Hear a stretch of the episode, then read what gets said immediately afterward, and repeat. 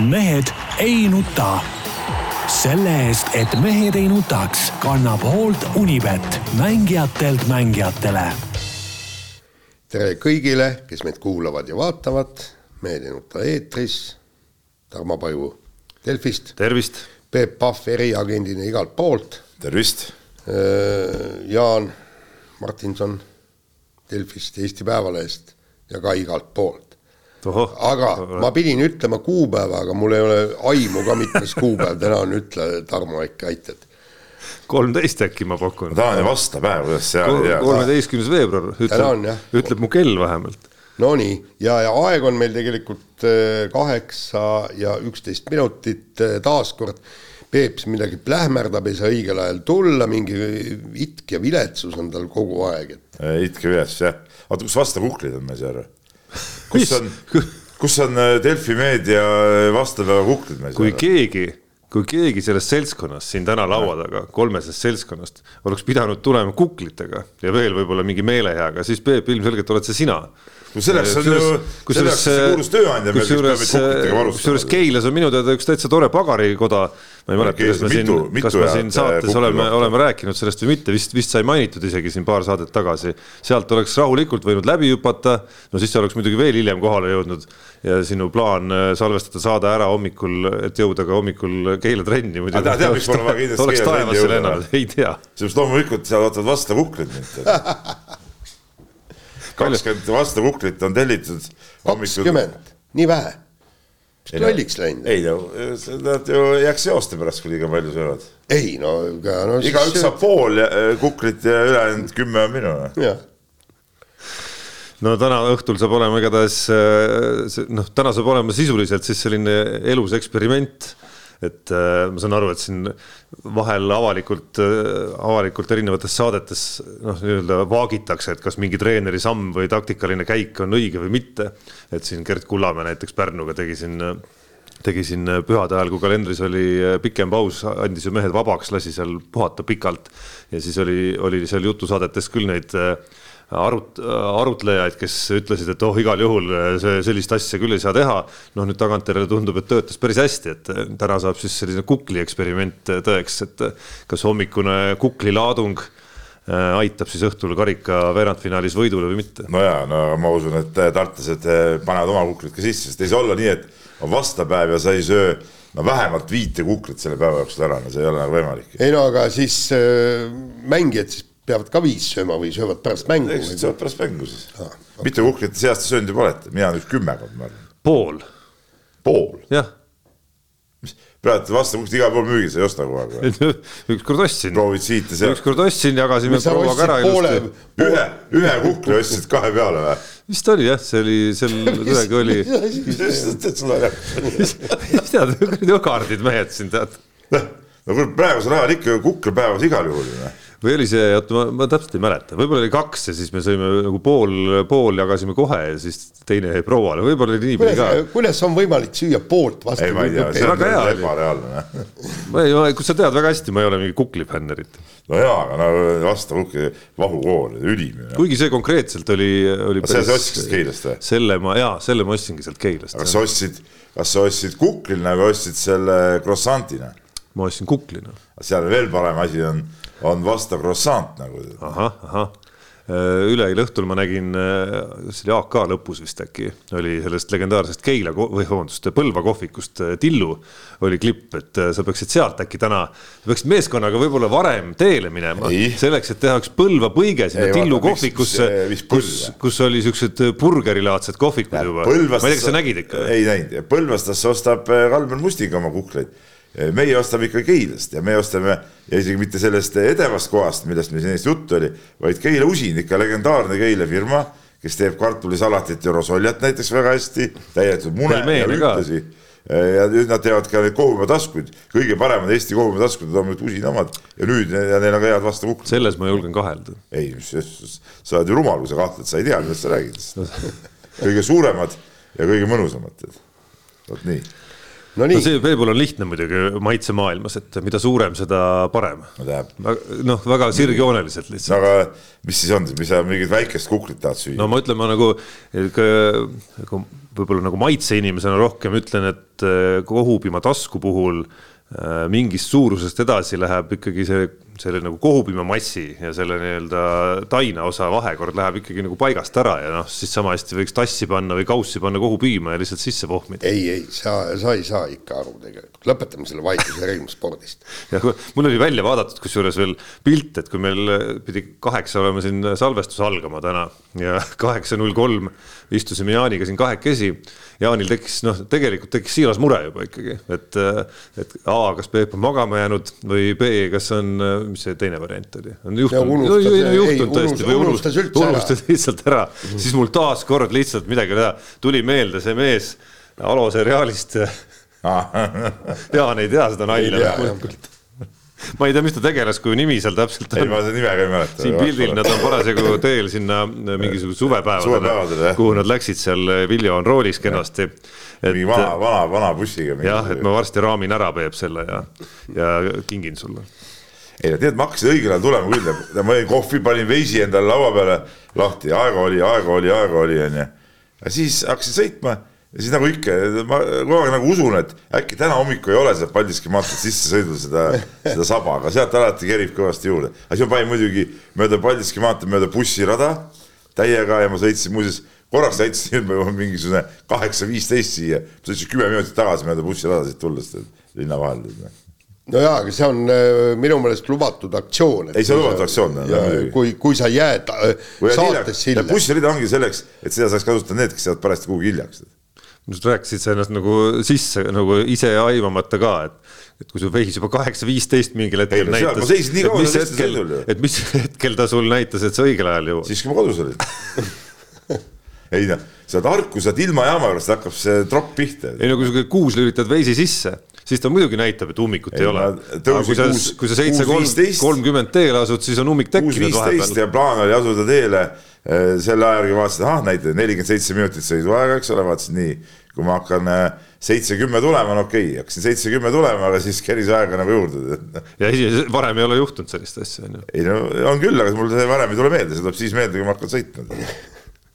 okei okay,, kuule, räägime spordist käisin nädalavahetusel Otepääl kohe võistlust vaatamas ja, ja tegelikult no üle pika-pika aja sain nagu mm, Eesti spordis või, või, või Eestis toimuvas spordis ikka tõelise laheda elamuse, kui, kui Kristjan Ilves reedel ja eriti just laupäeval, kui oli rahvast nagu murdu. mina, mina ei näinud laupäevast võistlust, aga ma nägin, vaatasin pühapäevast võistlust siis polnud üldse rahvast. jaa, no aga see on tüüpiline. see oligi huvitav nagu. ei no mäletad ju seal paganama, kui suusa MK-de aeg oligi, siis laupäeval õhtul olid niisugused peod no,. aga kus need peod, Otepää Nightclubi asemel on Olerex praegu kus see pidu on? kuule, pidu, peo jaoks ei ole sul ööklubi vaja. ei, ei, seal oli no, teid. Lähed oma seltskonnaga kuskile mõnusa järve äärde saunakesse. ei no jaa, aga sealt pärast lähed ikka ju. sealt sa ei tõuse enam no.. mis tõused ikka, ah ole nüüd mis mõtlesid no,? võib-olla läksidki Tartusse. ei, ei, seal olid äh, peotelgid ja kõik, kõik olid olemas. käis ka peol või? ei. ma korra kavatsesin ka, et tulen, aga ei, see elu ja tempo oli nii kiire nädalavahetusel ka, et ei jõudnudki tulla ja, ja kusjuures, äh, kusjuures oligi, no nagu, nagu seal hüppavõistluse ajal need korraldajad ütlesid, et see vaataja, vaatajate kohad on täis, enam no, no okei okay,, no sinna pressib ikkagi juurde kindlasti nii aga, aga, aga põhimõtteliselt, põhimõtteliselt on, et hakkab veel laiendama, kui, kui asjad niimoodi edasi lähevad ja, ja siis oli ähm, raja ääres oli hästi palju rahvast ja, ja kujutan ette, et vaata ainult see kõige kõige nii-öelda nii tagumine sektor oli, oli inimestest tühi, aga muidu olid ülejäänud sektorid kõik murdurahvast täis, niisugune möll käis. Ja, ja, ja siis äh, teiste riikide kahevõistlejad, neil oli ikka silmad punnis, ütlesid no,, nad, nad pole niisugust asja kahevõistluses ei ole, nad ütlesid, see aasta ei ole noh, pole, pole olnud niisugust asja. ja siis me hakkasimegi arutama, kas üldse, kus see kunagi on olnud, jah, selge, kui on Holmenkolleni mängud, eks, ja, ja kui on, kui olid äh, lahtimängud ja kui soomlastel olid omad kahevõistlejad, kõik Manninenid ja asjad ja. kusjuures mingil hetkel ma mäletan, et äh, seal samas lahtimängudel isegi siis, kui soomlastel olid omad mehed, et isegi siis hakkas rahvast kuidagi nagu vähemaks jääma. ei, vähemaks ta jääb, eks, aga seal rahvast on ja möllu ja karjuvad, eks. Noh. jah, no üheksakümmend üks ja, ja kõik need ajad äh, seal, seal alguses, noh, seal oli hoopis teine. ei, kaheksakümmend üheksa olid MM vist või? lahtis ei, kaks tuhat üks. ei, ei, ei, vanal ajal, kaheksakümmend üheksa oli ka, ma mäletan, see, see nagu kõige legendaarsem. ei, ma ei tea, kas see kõige legendaarsem, mina siis Nõukogude armees, ma ei tea, sellest legendaarsest ma ei tea midagi aga jah, ei no eurospordist äh, oleme me saanud viimastel hooaegadel vaadata kahevõistlust ju päris palju tänu Kristjan Ilvesele äh,. ükskõik, kas siis äh, sealt põhikanalist või kusagilt äh, nurga tagant, et, et noh, me näeme, mismoodi enamasti on ikkagi suhteliselt tüher maal äh, Äh, publiku mõttes vähemalt äh, kõik need, kõik need võistlused toimumas. ja aga, aga tähendab, praegu ongi ju see asi, et et, et Eesti publik äh, tahab nagu siiski oma nii-öelda kangelaste näha ja kangelase võitu ja kõike muud ja sellepärast tuldigi ju Kristjan Ilvest vaatama ja usun, et laupäeval tuligi see mass just eh, sellepärast kohale, et reedel läks Ilvesel sedavõrd hästi. no aga laupäevane võistlusega, no reedene võistlus, seda ma üldse ei arvesta. Äh, no seal see ma, ma nii, ma nii palju. võistlusformaat on nii totter. ma nii palju võib-olla, ma nii palju võib-olla parandan, et kuna meil eelmises saates tuli ka kahevõistlusest juttu natukene, siis ma juba saate ajal korraks äh, meie piletitasku eestvedajale saatsin küsimuse, ta küll saate ajal ei jõudnud vastata ja ma sain aru, et noh, see ei olnud nagu päris emotsiooni ajal, nad reedese emotsiooni pealt ei tulnud sinna laupäeval, et see piletimüük müük juba tol hetkel näitas ikkagi väga korralikke numbreid. kui me vaatasime seda hotelli asja, vaata, ma ütlesin, et inimesed tulidki vist üheks päevaks ju. ja paljud ju. kui seal oli, vaata, eelmine teisipäev me tegime saadet siin ja vaatasin, Otepääl oli ööbimist olemas, oli võimalik saada täitsa rahulikult.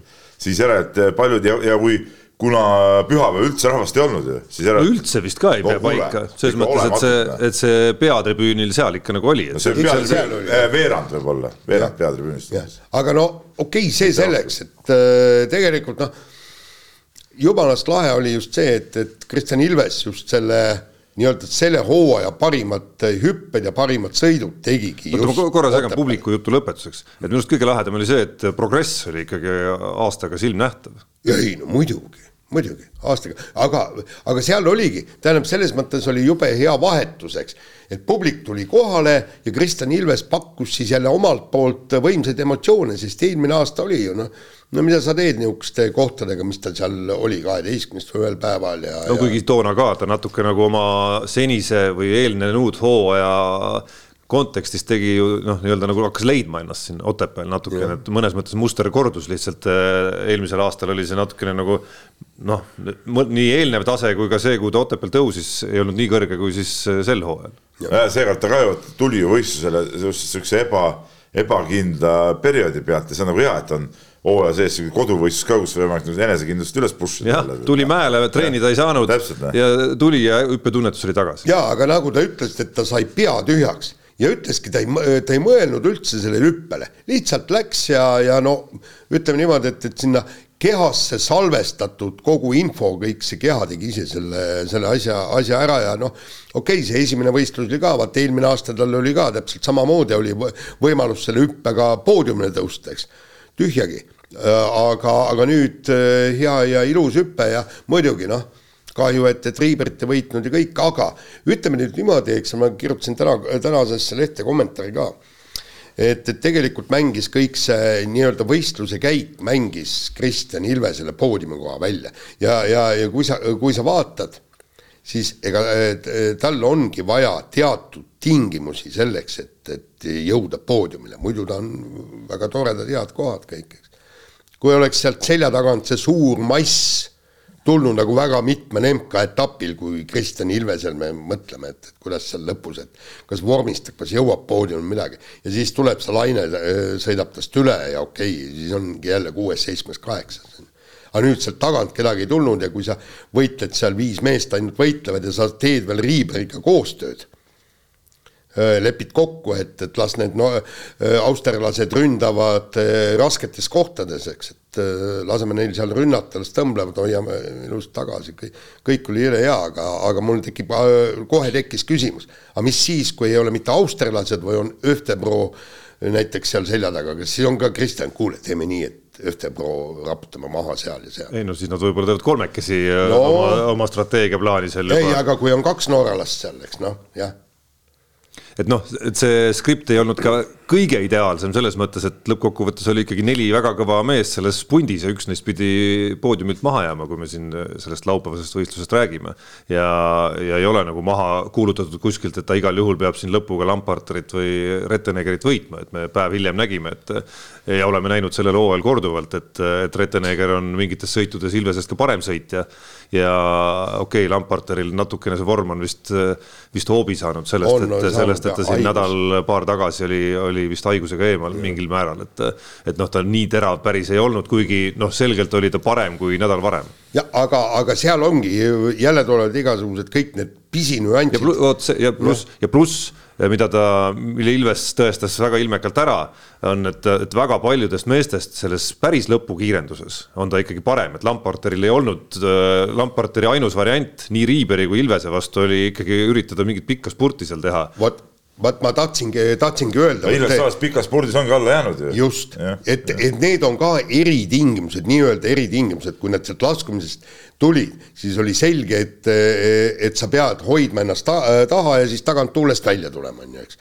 nii, no nagu juhtiski, me rääkisime Ilve, Ilvesega ka, Ilves tunnistas, jaa, Riiberit oleks ka võinud võita, on ju aga ainult see, sel puhul, kui, kui Riiber oleks eest läinud ja ma oleks saanud tuulest, tuulest välja tulla, ütles Riiber on nii loll. ja seal, seal kusjuures ma lugesin su sedasama lugu mm. eile õhtul juba meie mhm. adminsüsteemist ja siis sa keskendusid seal minu arust just sellele, kui hästi Ilves sai lamp, oli nii-öelda Lamparteri tuulest tuli välja ja, ja tema ära nokkis no,. aga noh, sama kehvasti siis või noh, sama hästi ei õnnestunud tal Riiberi tuulde saada, selleks, et Riiber ära võita, et no, seal tegelikult just. tekkis see olukord, kus Riiber ise teisena sai väga hästi Lamparteri tuulde ja sisuliselt libises mööda seal lõpukurvis isegi. Mm. -hmm, aga selle võrra tekkis suurem distants Ilvesel temaga, ehk siis Riiber oli see, kes nagu ikkagi nagu ülibriljantselt lahendas kogu selle, kogu selle lõppvõitluse. nii, ja lõpetuseks ongi just see, et, et vaata seal tagasipööre, kiirus läheb sisuliselt nulli ja vot selles lõpu, lühikeses lõpuspurdis on, no, väga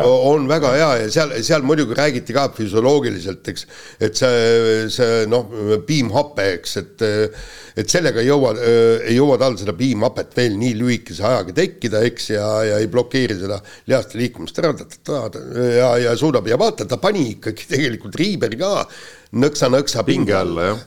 jah kuigi ei olnud idea-, päris ideaalsel positsioonil võib-olla siis, kui see spurdikoht algas. just, aga, aga pane, pane kaks korda pikem äh, lõpusirge ja vot, võivad tekkida probleemid. et, et selles mõttes praegusel hetkel on Ilvesel tõesti teatud tingimusi vaja selleks, et jõuda poodiumile, aga ta ju areneb võta, võta või see suu-, suusakiirus, nagu Riiber ütles ka, et tegelikult on Ilvesel väga hea see lõpuspurt et tal on see sees olemas ja seekord tuli tal see ka välja.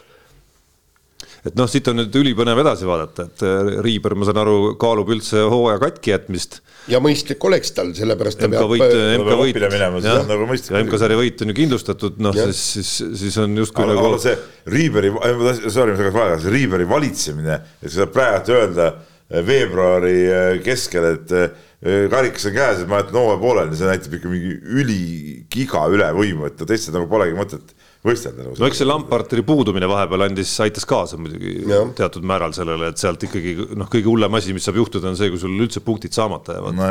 ja sul on, kui see no, nädalavahetuse vahele. ikkagi on, on Lamparter või pole, ta ikka võidab. Noh. jah, no välja arvatud vist kas üks või kaks no, väike, väike. peast ei mäleta, et Lamparter vist korra on võitnud ja.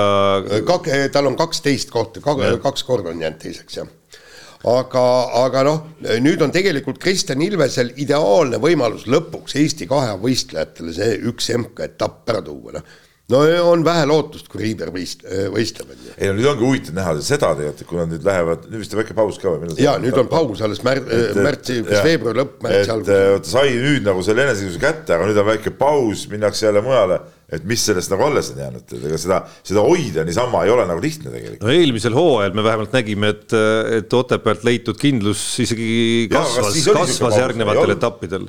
Ei mäleta. ma, ma, ma ka ei mäleta, ma just mõtlen seda, et, et, et, et Ilves oleks kasulikku näiteks kohe etapp oleks nüüd see nädalavahetus jälle, et noh, et ta saaks seda head tunnet nagu kohe realiseerida, aga, aga nüüd on niisugune paus vahel, noh, see on nüüd jälle niisugune suur meisterlikkus kuidas seda nagu hoida, noh, loodetavasti suudab hoida. no ma nüüd kontrollisin järele, et eelmisel aastal äh, üks nädal oli vahet oli vaba ikkagi vahet, ja siis no,, siis Klingenthalis läks, läks siis asi edasi. ja, ja ja noh, mm oli ka eelmisel hooajal veel ikkagi seal kevadel. jah, aga, aga, aga taaskord ja, ja tegelikult ega mina väga, väga ei uskunud veel mõned aastad tagasi, et, et see kahevõistlus äh, niivõrd noh, ma, ma isegi ütlen populaarseks, aga niivõrd tõmbama hakkab nii publikut, rahvast ja ka mind ennast, eks ju.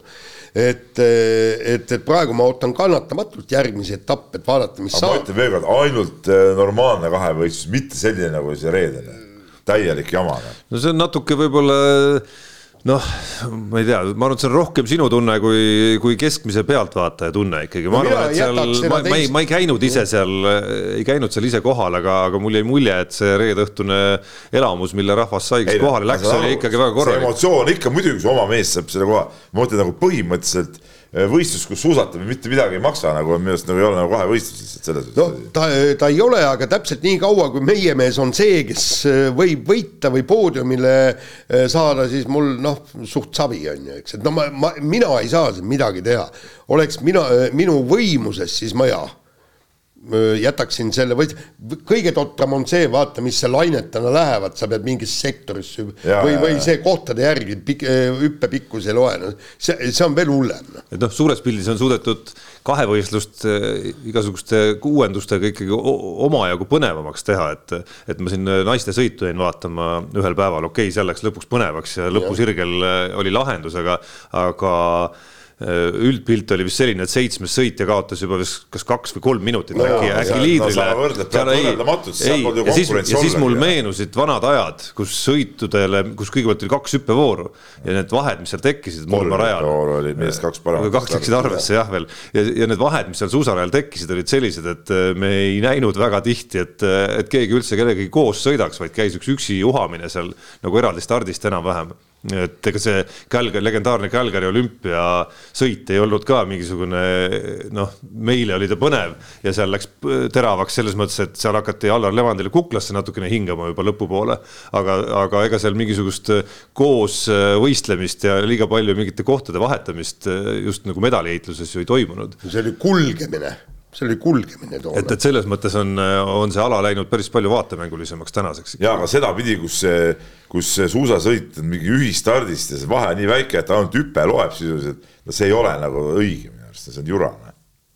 nii, no ega Peepu siin ei ei kindlasti. ei veena kuidagi, aga ei. vahetame taliala ja läheme laskesuusatamise juurde, laskesuusatamise maailmameistrivõistlused on kenasti hoos ja, ja olgem ausad, nädalavahetus andis juba päris, päris äh, omajagu kaasaelamist eesotsas siis naiste jälitussõiduga, kus Tuuli Toomingas äh, sai kümnenda koha ja kaks Eesti naist veel tema taga olid ka top kolmekümnes no,. minu silmis oli see sisuliselt sama kõva kui see Ilvese kahevõistlus. sina, kes sa ikkagi loed puhtalt kohtade ja, järgi, kes, kes peaks olema MM, ees ja kes mitte. MM, teine on suvaline MK-etapp, noh, selles on väga suur vahe minu silmis. ja MM-il tulla nüüd teist korda järjest esikümnesse, noh ma ütlen, et see on, see on ülikõva ei, ta on kõva küll, aga, aga mind ikkagi natukene noh, kummastasid kõik need reaktsioonid, et, et Dobre Lutsult, et selliste hetkeni nimel me elame no,. kuule, ei, sa elad medalite nimel no.. sportlane töötab, võistleb ja öö, kõik selleks, et saada kaela medaleid. et siis mäletatakse öö, mäletad, kui meil siin oli, et, et mis on Eesti äh, parim koht MM-il, tükk aega kaalusime, mõtlesime, mis oli, Eveli Saue seitsmes oli vist või, või, või, või no ei mäleta ju, ei mäleta neid kohti, mäel läheb kümme aastat. medal, aga ma no, räägin, aga see oli ikkagi MM praegu võrreldes, kui ma, kui Tarmo imestas, ma ütlesin MK-etapil, loomulikult see oli kõva mm., aga MM on ikkagi MM. ja, ja, ja, ja, ja teine asi on see, et, et ootame selle MM-i ära, eks. aga, aga muidu, kui ütleme niimoodi, praegu see kümnes koht aasta aega tööd tehtud ja neli kohta tahapoole langetud, noh ei no on ju. ei no ka, kas ei ole siis või, kas siis ei ole või? eelmine aasta oli kuues, aga ootame, ootame ära siin, muide. no siin on. mitte selle distantsil jah On... ei, ei, ma tean, selle, sellepärast ma ütlengi, ootame ära. ei no ootame kindlasti ära, siin on päris mitu, päris mitu huvitavat võimalust veel, et alustades äh, pikast distantsist, eks. noh, kus laskmisest sõltub väga palju, siis veel tundub, et massstart võiks juba tänase seisu pealt suht kindel olla. mul, mul ei tundu väga loogiline, et kümnenda ja kahekümne neljandaga saaks sealt välja jääda, isegi kui see kakskümmend aia taha läheb. ja siis on meil veel äh, erinevad teateformaadid seal. aga teateformaatidesse ma muidugi ei usu no naiste teatesõit võib päris, päris huvitav, no okei okay,, me ei räägi medalist siin praegu Oota. liiga suure, liiga suure hurraaga, aga, aga noh, näiteks top kaheksa ja kõik EOK stipid ja kõik, kõik asjad võiksid küll, olla väga suured eesmärgid. aga nagu sa räägid Jaan ütleb, et kümnes koht on jura, ta ütleb ka see on jura, nüüd järsku kaheksas koht. ei, mina ei ole öelnud, et see jura on. mina sain väga kõva elamuse sellest. koht on see, et, et meil oleks neli Tuuli Toomingat, siis me räägiksime medalist, eks. aga, aga selge see, et, et meil on kolm väga tugevat sõitjat, üks, üks, kes, kes, kes veel seal kaasa sõidab, ei tea ju praegu, kes. Aga, aga raudselt on vaja jahtida seda kaheksandat kohta. Ja mäletate isegi omal ajal kõik need Maed, Veerpalud ja, ja kogu see kamp, neil oli ka ülitähtis see, et, et jõuda. jah, sest see on puhas raha. Ja, ja, ja kujutad ette, milline laks oleks meie eh, kahevõistluse naistel on see, et, et kui nad saaksid EOK palga peale laskesuusa. ja saaksid laskesuusa jah, jah et saaksid äh, ehuka palga peale, pluss korraliku treeningtoetuse, nende elu muutuks äh, oluliselt ja märgatavalt lihtsamaks. noh, üks äh, noh, üks liin, mis muidugi Tuuli Toomingat jälgides äh, paratamatult alati tekib ka peas muidugi on, on teda kuulata ja vaadata, kui palju seal tema sees ikkagi see, see emotsioon kõigub ja üles-alla käib, et. et Indrek Tobrelus muidugi vist ka väljendas seda ühes meie intervjuus Ats, Ats Kuldkepale, et või Kuldkepile, kuidas õige käänata on. ikka Kepile. et, et. Kepile, Kepile. et noh, hästi Peep et, et, et mis siis veel oleks, kui, kui, kui Tuuli Toomingas vaimselt oleks sama tugev, kui ta, kui ta on füüsiliselt, et. et see, kuidas ta suudab siin ennast äh, piitsutada ja enda elu ise keeruliseks mõelda äh, siis sellega, et ma ei tea, trennis ei lähe kehvasti või trennis ei lähe hästi, kuskil tuleb mingi äpardus ette elab seda kõike veel suhteliselt äh, reaalajas Eesti rahva ees ju, ju välja ka, et, et ta ei varja ka, vaid üsna ilma filtrita purskab selle, selle emotsiooniga ikka välja, kuidas ma noh, põhimõtteliselt kohe-kohe lähen ja pakin oma suusad ära ja aitab mul igaveseks sellest suusatamisest. ei, ega peale ebaõnnestumist ei tulegi tihtipeale midagi ja siis, ja siis, ja, ja, ja siis sa krutid ennast seal, ma kujutan ette seda, kuidas siis und ei tule ja siis see kõik kuhjub seal. kõik see, kõik, kõik, kõik see jada teeb su mingid trenninäitajad veel kehvemaks, sa ju tead tagasisidet, saad viivitamatult põhimõtteliselt oma äh, pulsi, alustades pulsist juba rahuaja pulsist ja siis veel trennipulssidest ja nii edasi ja nii edasi.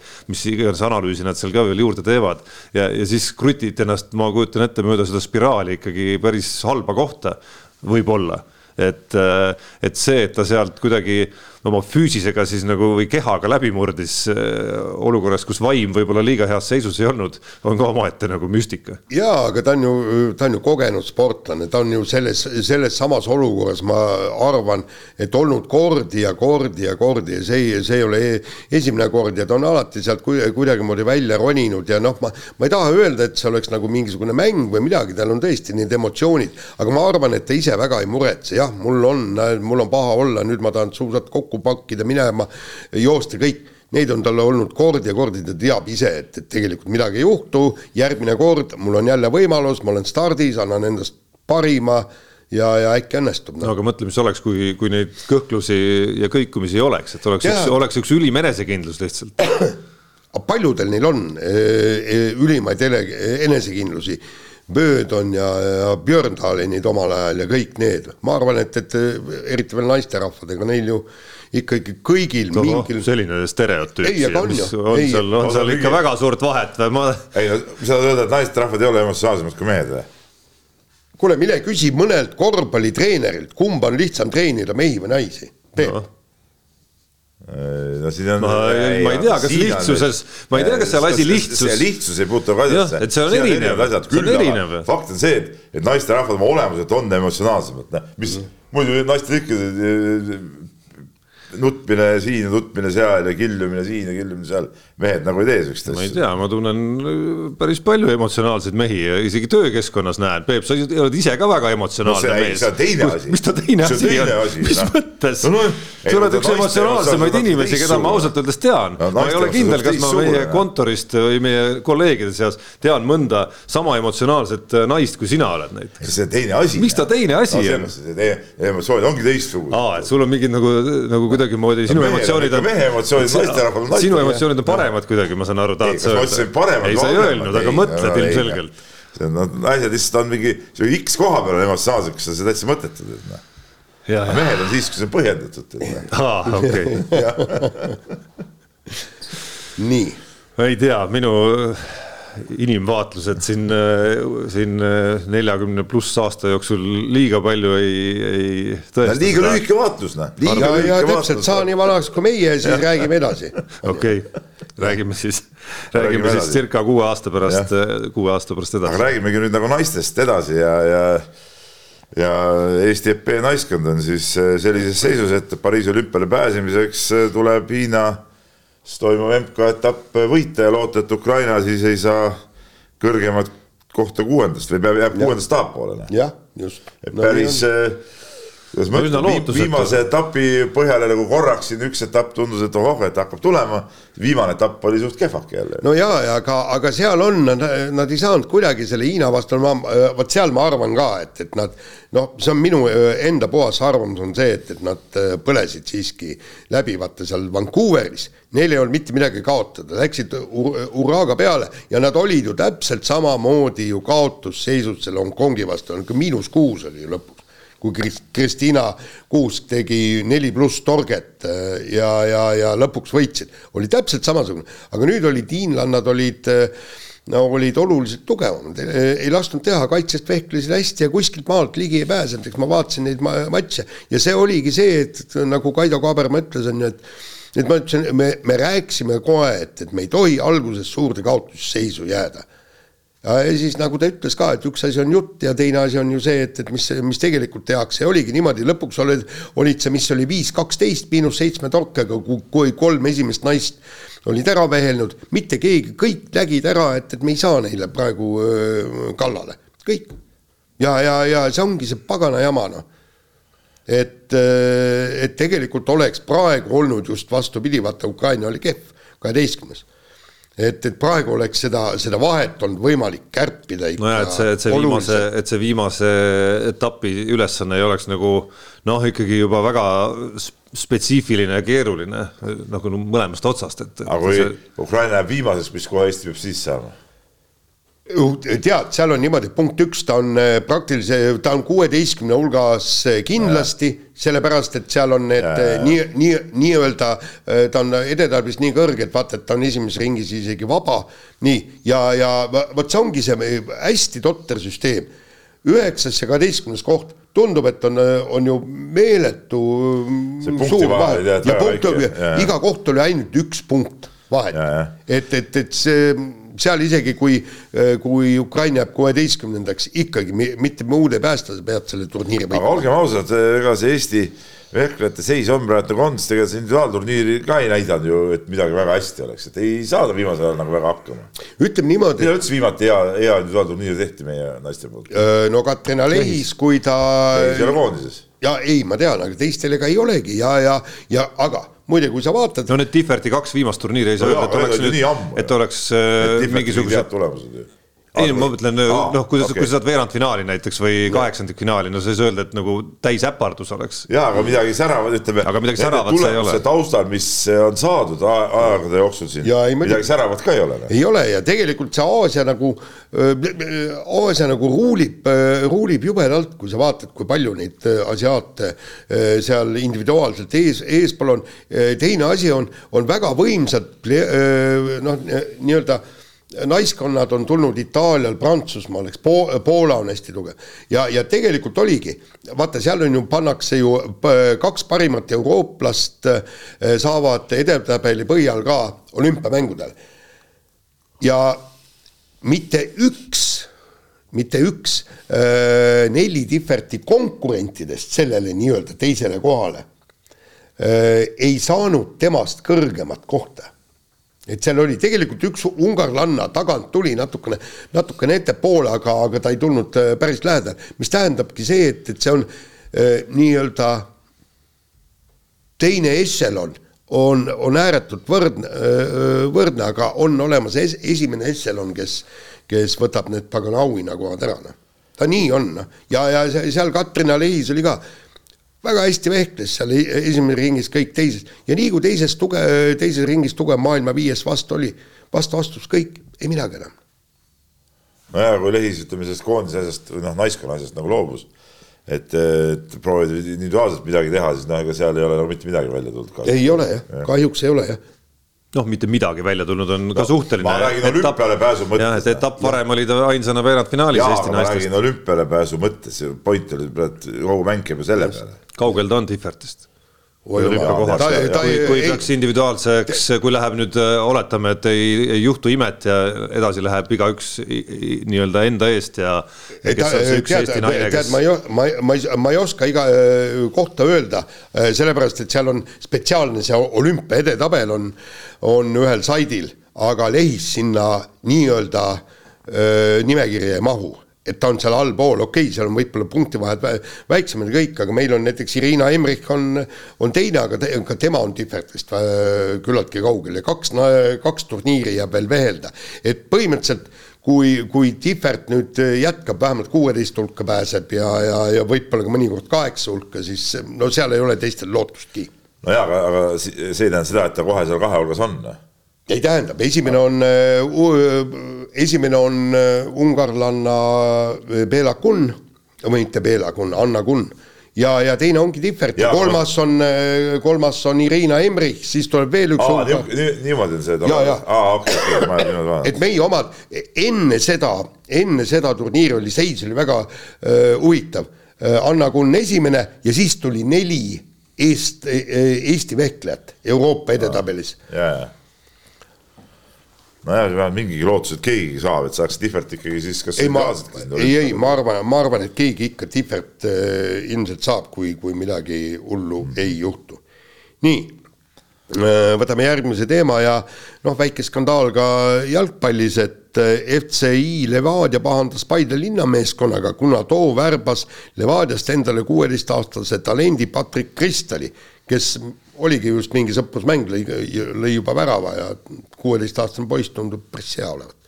nii. ja, ja, ja mis mõttes pahandada, ühesõnaga seal ei olnud nagu ei pakutud talle profilepingut, nagu mina sain aru, talle ei pakutud profilepingut, palka ega midagi ja noh. no Levadia no lõpuks, kui siin oli juba keerutatud omajagu möllu selle, selle juhtumi ja, ja olukorra üle, kus siis selliseks veidraks käändeks oli siis ka see, et nende omavaheline kontrollmäng jäeti siis, jäeti siis ära. Aivar Pohlak, kes seda sõnumit vahendas Paide omadele, siis kasutas veel mingit väljendit, et olete halvasti käitunud siin, ma ei tea, kas see oli mõeldud kuidagimoodi naljaga või mitte, vahet ei ole isegi. et, et, et siis, kui mõned päevad mööda läksid ja Levadia oli lõpuks ise ka kommenteerinud natukene seda, noh siis, siis sealt äh, sai, sai selle teise poole versiooni ka lõpuks külge, aga ega see versioon suurt pilti nagu ei, ei muuda nagu väga, et fakt on see, et Patrick Kristal äh, nii-öelda nagu profi vanusesse jõudes oli vaba mees ja noh, edasi oli siis kõikide klubide kes iganes tema teeneid ja temaga lepingut teha tahavad, asi siis pingutada selle nimel, et, et see saada, et noh, ma saan aru, et see Levadia pahameel oli vist suundunud või suundumas või olekski pidanud suunduma selle pressiteate järgi pisut nagu läkski sinna suunas, et neil käisid läbirääkimised, ei olnud nii, et nad midagi ei pakkunud, et, et, et mingisugune huvi näitamine oli olemas ja, ja nende väide oli siis see, et noh, kristallite leer, ma ei tea, ma ridade vahelt lugesin seal siis natukene nagu isa Marko suunas võib-olla välja seda, seda etteheidet, et justkui oli mingi ma ei tea, noh, me pole juures olnud, et, et justkui mingi indikatsioon oli antud, et noh, võiks võib-olla jätkata küll või, või ma ei tea, kas, kas see oli lubadus või mis asi see täpsemalt nagu oli, aga noh, lõppkokkuvõttes on selles äris niimoodi, et kui asju paberil ei ole, siis ei ole. et Paide, Paide tegi minu arust seda, mida üks ambitsioonikas jalgpalliklubi tegema peab võttis ühe Eesti noh, oma vanuste ikkagi selgelt ühe kõvema talendi ja, ja sai ta endale. no jalgpallimaailmas jah, isegi siin Eesti jalgpallimaailmas, kus sihukeste noorte üle nagu tea-, noh, noortega tehakse lepinguid ja, ja asju. noh, see käik ongi nagu õige ja ma mõtlen samas, ma ise asetasin selle nagu korvpalli konteksti, siis, siis ma oleks, ütleme ka pahane olnud, kui keegi tuleb minu kuueteistaastast seal seal nokkima endale, eks ole. ta ei olnud antud juhul isegi Levadia kuueteistaastane, et ta oli viimased kaks hooaega Levadias olnud, aga üles kasvanud on ta hoopis mujal. nojah, et, et noh, üldse sihuke nagu kellegi käest ära nokkimine, noore mehe ära, äravõtmine võib-olla ei ole nagu õige, teisalt jälle, kui eriti kui on tegemist nagu teise tipp, noh, niisuguse normaalse klubiga, eks ole, kuskilt võtad, kus noorel mehel pole ka arengupotentsiaali, siis nagu teine asi. aga jalgpallis, seal on ju asjad ju lepingutega nii hästi juba ka noortel meestel nagu ikkagi paigas, et, et seal ei ole nagu minu arust Paidele küll midagi ette heita, et et kui ta ei olnud lepinguga vahetud ja, ja mees oli vaba ja ja komplekteerivad oma võistkonda, siis, siis loomulikult sa võtad, no siis mis, mis siin, mis siin siis poriseda. noh, ja loomulikult sa kasutad ära eh, siis noh, antud juhul mulle ei tundu ega kuskilt ei paista ka, et nad oleks midagi kuidagi nagu alatut teinud. loomulikult sa kasutad ära inimsuhteid, mida sa veel kasutad siis, et kui sul on Tarmo Kink eh,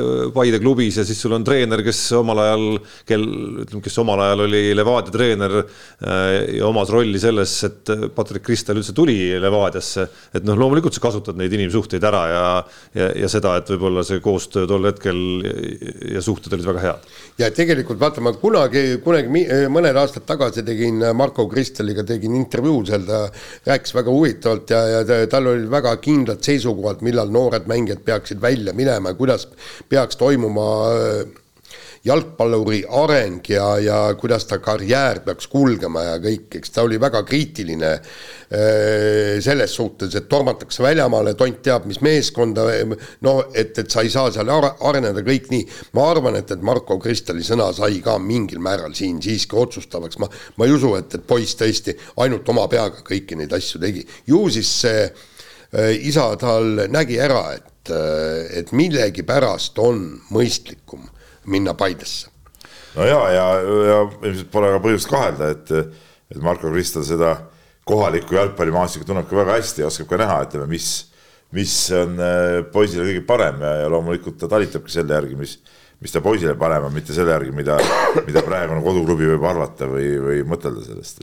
noh, iseenesest on muidugi, muidugi äge, et väike intriigike sai üles, et kõik märgid viitavad äh, justkui ka sinna suunas, et, et Paide ja Levadia võiksid olla ka kaks esimest tiitlisoosikut, vähemalt paberil, kui nüüd äh, hooaeg üsna varsti juba, juba lahti läheb, et, et ma, ma, minu tunne ütleb küll, et Flora on siin vähemalt virtuaalses tabelis äh, esimese kahe hulgas ei ole siin kui peaks nad kuidagi pingeritta panema, et noh, seda ägedam on, et, et selle kahe vahel on siis läinud mingisuguseks, mingisuguseks väikseks naginaks, naginaks. huvitav, kas Levadia, vaata, kui nad, kui nad väidetavalt sealt maalt tuli see, et, et loobusid sõprusmängust, äkki liigamängus ka ütlevad, et ei, me anname null-kolm kaotuse ja sellepärast, et te võtsite meilt Patriku ära ja, ja me ei tule. jah, kindlasti Jaan, see täpselt nii läheb. miks mitte siis? ole siis põhimõttel kindel aga, aga selle saateosa lõpetuseks äh, ralli juttu ka ikkagi ehk Rootsi ralli tulekul ja, ja kuidas siis on? Ott Tänak paneb kinni. see on see igipõline meie küsimus siin saate selles nii-öelda sõiduplaanis, selliseid totramaid äh, punkte muidugi, no see on no mis see. no mis totram no,, vastupidi, meil on äh, tuhanded kuulajad, kes ootavad, et teiesugused ralli asjatundjad ikkagi ütleks väga täpselt ära, millised šansid on. no väga raske midagi ütelda, kui pole näinud ühtegi Oti rallit näiteks lumel. Hyundai autoga. Ja, ja teine, teine küsimus on ju ka selles, eks, et, et Monte Carlo rallil oli tõesti äh, Ott Tänaku autoga teatud probleeme ja seadistustega ja kõik, eks. ja, ja nüüd ütles Hyundai boss, et äh, Rootsi ralliks saame asjad korda, jällegi, kas saadi korda, ei saadud korda, vaata siis me võisime tõesti rääkida ja vastata küsimusele, kas Ott Tänak võidab selle või teise ralli. mäletad, kui ta sõitis Toyotas, tal oli hea ja kindel auto, kõik me teadsime selle auto kiirust, teadsime, kuidas Ott Tänak selle autoga käitub, eks, ja siis vaatadki talle sobivat rallit, mäletad, ta ju võitis võitis ju kol, vist kolm Saksamaa rallit järjest ja, ja kui ta oli ühe võitnud, no siis, siis sa vaatad, et selge, selge see, et see sobib talle sellele autole just, väga hästi. täpselt jah. et, et nii ta on, aga, aga praegu ei oska mitte, kuigi jällegi Rovanpera punkt üks peaks olema väga kiire, Toyota ütleb ka, poisil on hammas verel, esimene ralli tal Toyota pidi ka hea kiire olema ja ta-ta-ta ja kõik nii. aga mäletad, mis ta oli eelmine aasta või millal ta pani, aga lihtsalt lumehange sõitis ja oli korras. no talveralli võib seda väga kergelt juhtuda, et seal äh, kerge tee, rajalt väljasõit tähendabki suurt ajakadu, aga aga noh, fakt on see, et, et Ott on loomulikult lumel väga hea, eks ole, suutis eelmine aasta selle äh, Fordigagi seal Rootsis võidu ära võtta, et, et kui me nagu sellest vaatest vaatame, et et kes nagu lumel üldse võiksid olla nagu äh, nagu väga head, siis noh, üldse tumedad on head need, kes on kiiretel rallidel väga head, ehk siis eh, kindlasti Tänak, noh, kui oskab lume sõita, eh, loomulikult Rompera, noh, eh, võib-olla ka Lappi võiks olla väga hea ja, ja Evans, noh, samad, samad, samad pundid noh. kuigi ka Neuvill on ka tead tal-, talvel hästi, ei need ikka raske hinnata tegelikult. no tead, seal võib kohati minna, punkt üks, kohati võib minna loteriiks, on ju täpselt, et kellel mis ma on. üks aasta ma olin ise Rootsis kohal kui tuli ühel päeval mingi räige lumesadu ja pööras kõik pea peale, totaalselt pea peale. ja, ja või mäletad see, et, et kui, kui seal oli, kus see oli, Ossier, Tänak pidid teid poolelt, no oligi võib-olla see. see oligi, noh. see oligi see, nad said ju kohe minutiga esimesel päeval oli kogu, kogu pidu läbi, aga teine asi oota, mis me räägime, et kes või, võidab ralli, no mis vahet selles on, kes võidab, tähtis on see, kes saab rohkem punkte. no vot, see oli tore, ma laupäeval äh, käisingi ühel äh, sõbral külas ja, ja tal oli väimees poiss ka seal ka, ka tore mees ja, ja arutasime seal ka seda ralli asja. panite paika, ütleme. panime asjad paika, eks ole, ja, ja seal oli meil ka jutuks see, et, et, et siis kas see rallivõit nagu tähendab üldse midagi või ei tähenda. Noh. Ja tema ütles ka, ta jälgib seda rallit väga tähelepanelikult, ütles, et, et noh, et, et, et see ralli üldvõit umbes peale Ožee näiteks Monte Carlos ei huvita mitte kedagi. Noh. aga see, see ongi jura, noh, mina ikkagi jälgisin, mina põhimõtteliselt jälgisin just seda, kes ralli võidab, ma seda teise päeva seisu üldse ei jälginud. Aga, aga. inimesed sõidavad ju, sa lähed ju Rootsi, sa lähed ju rallit võitma, mis mis kuradi muu jura on seal kõik see kukesupp. ja ei, aga tegelikult sul oli, sul oli ju õigus seal ju lõpus viimasel päeval tõesti rohkem räägiti ju sellest, et kes kui palju punkte kogub, on ju. no see ei ole ju enam ralli mõte. ja lõpuks ma, mul ühel hetkel tuligi, hakkaski pähe, et kes siis selle ralli võitis, aa nojah, Neuvill võitis on ju, eks, tuleb nagu meelde, on ju, eks et ta sai ju kolmkümmend punkti ja kõik. no jaa, aga see ei ole õige. Noh. aga, aga oleks seal olnud tõesti niimoodi, et Neuvill võidab tegelikult ralli, aga noh, tähendab seal kuidagi see saab punkte vähem, siis lõpuks lähevadki asjad sassi ja no kui äh, kasvõi koefitsiente vaadata siit meie enda toetaja Unibeti juures, siis äh, Rovanpera kaks koma kakskümmend viis, Tänak kolm, Neville neli koma kaheksakümmend viis, Lappi kuus koma viis, Evans seitse, noh te, teisi pole mõtet vaadata. see on nüüd ralli võitja. huvitav, et Lappil ja nii, nii, nii suured need koefitsiendid. no ma kujutan ette, et sarnased on nad igal pool. Evansil. no Evansil jah Evans, oota, Evans ikka talvel ei Lapp, ole. Lappil, muide, Lapp, Lappil võibki suur koefitsient olla, sest tal ei lasta kindlasti võita, kui no. tema selja taga on no, on, on äh, Tänak või Neuvill. no pluss ka eksimuse tõenäosus vist on suurem kui kõikidel teistel. noh no, seda ei oska nagu hinnata niimoodi praktika. aga sina tead? ei no ma ütlen nagu praktika. spetsialist on rääkinud. no absoluutselt, praktika niimoodi harrastusralli vaatleja praktika talle selle, selle käigus meenub pidevalt ikkagi, kuidas Lapil juhtub no.. nii, aga laseme kõlli. nii, lähme kiire vahemängu juurde, ma pean siit kuskilt mobiilist otsima, ahaa jagati kultuuripreemiaid ja spordi äh, sport oli, oli siis seal ka kenasti esindatud ja siis elutööpreemiat said Mati Killing ja Märt Kerman, üks on kuulus sõudetreener ja teine sama kuulus korvpallitreener. ja Tarmo, võib-olla sa need, ei, ma lihtsalt ei näe siit välja, välja lugeda, aga, aga siis teenete märgi siis said Anett Kontaveit, Einar Jahu, Tanel Kangert, Üllar Keerde, Kalmer Musting, Merle Keerutaja, Jaan Tii-, Tiit Saar Urmo Raiend ja Jaanus äh, Ketrau. Ja kusjuures kõik on nad väärikad inimesed, absoluutselt kõigile, äh, kõigile on, äh, on see aumärk oluline, tähtis, aga ma just ikkagi mõtlesin, German oli mul esimene treener ja, ja, ja no Killing on ka ju legendaarsed vennad, no, no tõesti, noh, nad, nad mõlemad väärivad elude preemiaid, aga ma hakkasin mõtlema just sellele, et kui me iga aasta anname ainult kaks elude preemiat välja, siis on tohutult palju inimesi, kes tegelikult vääriks samamoodi elude preemiaid ja, ja nad jäävad, jäävad sellest ilma, sellest ilma, mis on tõesti täiesti kahetsusväärne. nojah, vaata, kui seda nii palju välja anda, siis see väärtus on kahanenud. et, et, et nii, nii no, paraku on, elu on karm, aga jah, et ütleme, German on ikka omaette fenomen muidugi, ta on nüüd, mis ta on, kaheksakümmend kolm või midagi sihukest vanuses, siiamaani mees on tegev, tegevtreener möllab, olen ta ikka siiamaani näinud ja juttu juttudega rääkinud, kui kohtumine, ma olen ta endaga koos ka töötanud ja ja, ja, ja väga, väga vinge, väga, väga vinge mees, et ta suudab teha, noh Üllarist nagu rääkimata, et Üllar sai ordeni, noh uhke värk nii kui Keilasse läks, nii tuli orden ka ikkagi. Keila seal, eelmine aasta saime Keila seal mingisuguse kultuuripreemia, eks ole, nüüd sai ordeni no,. Peep tegi ikkagi Üllarist, tegi Üllarist teenetemärgi omaniku, see mingi finaalturniir, mingid asjad. see no. kukesupp, no mis asja, noh Eesti meistritiitlid. nüüd meest on märgatud, tead noh, jah, nii ongi. muide, ma hakkasin just mõtlema, eks, et mul oli omal ajal ju kaks treenerit, oli koolitreener oli Märt Kerman, eks, ja siis äh, rajoonimeeskonna äh, treener oli Janus Levkoi. ja ma, ma kindlasti ei suuda äh, väita, öelda ja kui neid mehi võrd-, võrdluses panna, et üks on parem kui teine. ei no et, ei, ei peagi panema. ei aga, aga äh, ma just tahtsin see si, siiani jõuda, et äh, täpselt sama väärt on elutöö preemiat ka Jaanus Lutkoi. ja, ja nojah, aga üks, ühe mehe üle mul on ka väga hea meel, kes siin ordeni saati nimega, see on Kalmer Musting muidugi.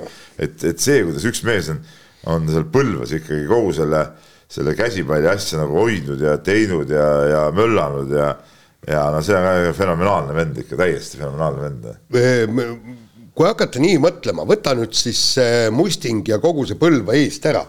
ma ei ole kindel, et, et meie, meil oleks nii kõva käsipalli, kui, kui meil praegu on, okei okay,, ta ei ole teab mis üleilmselt kõva ja me finaalturniirile ei ole pääsenud, kõik nii, aga meie käsipall elab ja hingab ja võta nüüd see Põlva äh, ja kogu oma fenomeniga, võta sealt ära.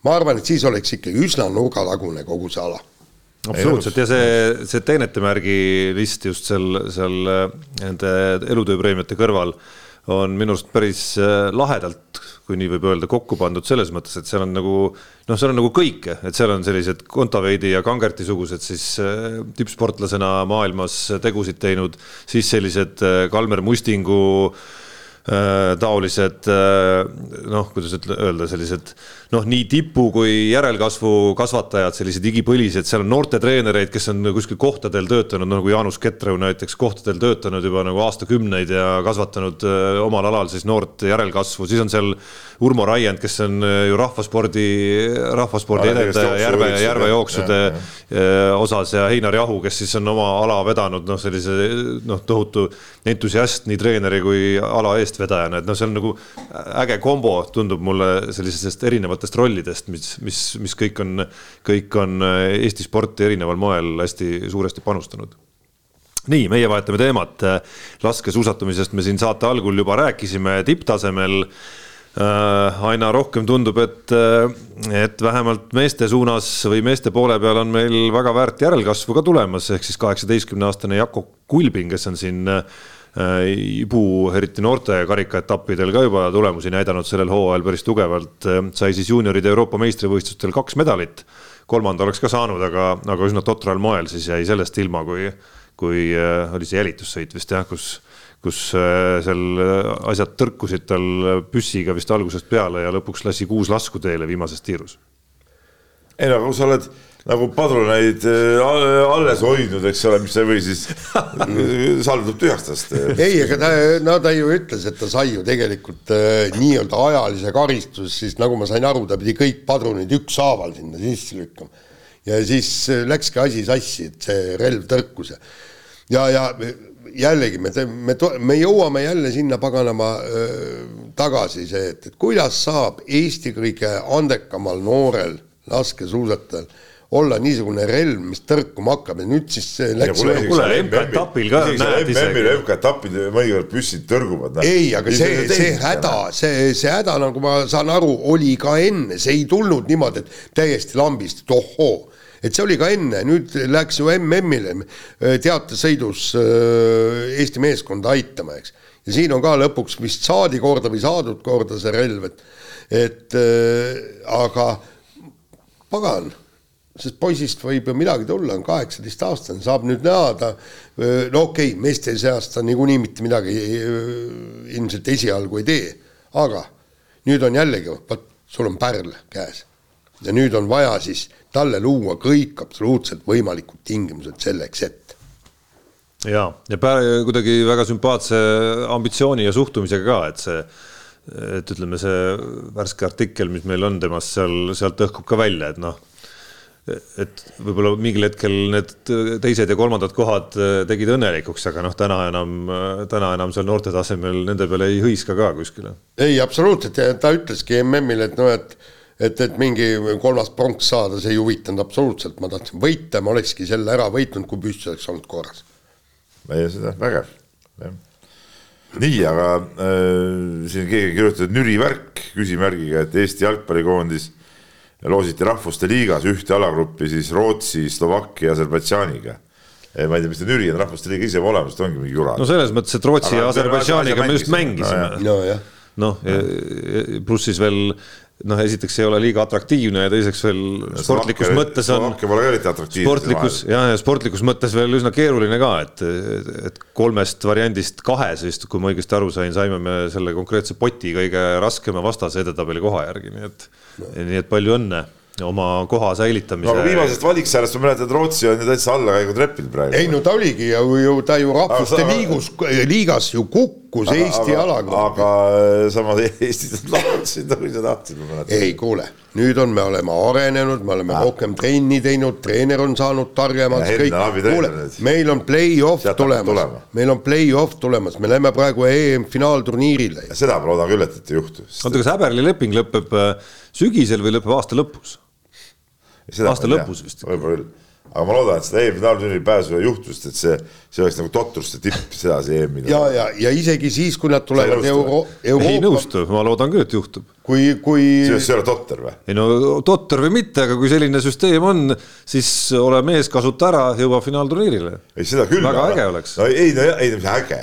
no siis finaalturniir, tähendab eelturniir, kvalifikatsiooniturniir muutub ju, ju täiesti nagu mõttetuks. ei no kuidas, Eesti on ikkagi auga välja võidelnud koha selles konkreetses duellis, mis meil Poolaga tuleb. mis, mis. kui me oleks kehvemini mänginud seal rahvuste liigas, siis me ei mängiks Poolaga. no mängime mudagrupis kusagil. no vahet ei ole, noh, süsteem no, on selline. no see süsteem ongi ajuvaba ju noh, ja sellepärast ma ei suuda nagu rõõmustada selle üle, kui, kui noh, et me üldse saame mängida neid mänge, see on täielik mõttetus ju noh no see on sama, mis äh, oletame, et sa täna õhtul ei mängiks Tartuga, vaid äh, oleks vastu tulnud hoopis Kadrina karud näiteks või, äh, või keegi kuskilt esiliigast veel. ja siis ma hakkan siin rääkima, et noh, tead, võidate küll, saate poolfinaali, aga see on mingi mõte. see ei ole nii. loosiõnn lihtsalt. ei, see oleks niimoodi, vaata, kui me nüüd äh, oleks kaotanud, kaotame, onju, aga siis ikkagi äh, õnnestub meil segastel asjaoludel mängida järsku finaalist, et noh no kui nagu, no, vahepealsed ringi nagu midagi ei tee ja nüüd me saame järsku põmm mängida finaalis. jah, tänu sellele, et te võitsite maakonna meistritiitli ja siis jah ja, ja olete finaalis. ja, jah no on sama. no ei ole sama. miks ei ole? finaali ei vii Eestit keegi sinna. no, no Eesti jaoks see ongi finaal juba, kui sa saad Poolaga mängida nii on. nii, kes, mina või? no ikka, ikka. aa, okei okay nii, nüüd on kolleeg Heigo saab jälle pitsi võtta. iga kord, kui mehed maha magavad oma, oma teema sissejuhatuse. mina ei ole kunagi maha maganud. alles äh, umbes kolm minutit tagasi juhtus see viimati. nii, Jaan, räägi. ühesõnaga äh, nüüd äh, te, teie asi siin selgitada, et, et mis värk see on, et Maicel Erkotsar ja Sander Raieste võivad liituda Eesti koondisega, korvpallikoondisega valikmängudeks, et mis mõttes, et võivad kui sa oled koondislane, siis kutsutakse, tulla noh no, ei ole nii või? no sa, Jaan, tead väga hästi ajalugu ja, ja seda, et äh, praktikas see liiga lihtne ei ole alati, kui klubi hakkab sulle noh, ikkagi põhimõtteliselt andma väga selgeid signaale, et, et äkki, äkki te ikka ei lähe, et. no aga mänge ei me, ole ju Baskoonial selle. et me ei taha, et te läheksite ja nii edasi ja nii edasi, on ju. et, et see ei ole üldse võõras praktika siin ka Eesti korvpalluritel läbi aegade. ja eks me oleme siis noh, ise ka näinud erinevaid kaasuseid, kuidas, kuidas siis mängijad on suutnud seda lahendada või pidanud seda lahendama oma klubikarjääri ja profikarjääri ja põhimõtteliselt äh, mingis kontekstis teoreetiliselt ka rahakotti siis nagu kaalule pannes äh, võib ka niimoodi halval juhul lõppkokkuvõttes äh, minna. et, et noh, Victoria Baskonia nagu noh, nagu näha nii mitmest erinevast loost on ikkagi üsna keeruline, ütleme nagu suheldav siis et äh, on seda kogenud äh, nii Eesti Korvpalliliidu esindajad, äh, mängijad kui ka lõppkokkuvõttes isegi meedia esindajad, et käis meil endal üks ekipaaž siin tegemas Basket TV erisaateid seal ja no ei, ei olnud võimalik seal Baskooniaga mitte milleski kokku leppida. ja asi ei olnud isegi selles, et me, no see ei puuduta koondislasi antud juhul nagu seda spordi poolt, aga natukene võib-olla mingit suhtumist näitab, et ja ei olnud asi ainult selles, et mingid suvalised eestlased ilmusid kohale, et kuulasin siin Äh, Leedu Kossu ajakirjaniku või ajakirjanike podcast'i ja noh, tõesti üle Euroopa väga kõva väga üks kõige kõvemaid korvpalliajakirjanikke üldse, tegi siin ka Hispaanias mingit tuuri ja, ja viimasel hetkel öeldi talle ka just nimelt Baskoonias kõik kokku lepitud intervjuud ja kõik plaanid üles, et noh, tundub, et see, see. see on stiil. see on, see, on mingi stiil. see on täpselt olnud ju, tihtipeale need kirjad ju täitsa nagu mutiauku nagu, et noh. et noh, siin mingi aeg, paar nädalat käis siin nagu selline noh, mitte isegi liiga sala, salamisi jutt, et siin paaris podcast'is öeldi see välja, Janar Talts rääkis siinsamas laua taga alles kaks päeva tagasi, kuidas tema teada pigem Kotsar tuleb ja Raieste ei tule aga, aga samal ajal Kossu liidust minu arust eelmise nädala lõpus hakkas õhkuma ikkagi omavahel öeldes sellist, sellist liini, et ikkagi nagu mõlemad kavatsevad tulla. no jaa, aga nüüd ei tea, vaata Raiestele on antud päris palju jälle mängida, et võib-olla on siin tead, äh, kuidas ma ütlen, nagu moositakse ära, et ei läheks ikka noh. teisest küljest on päris nõme ka sellises, isegi kui sa saad aru, et see, et, et see, et klubi, oletame, et ma olen nagu mängija, et sa saad aru, et klubi äh, no sellest küljest saad ju aru, et klubi käitub nagu nõmedalt, teisest küljest sa saad aru, et sellel on mõju, võib olla mõju sellele, mis, mis saab sinust siis edasi või kuidas sinusse suhtutakse pärast seda.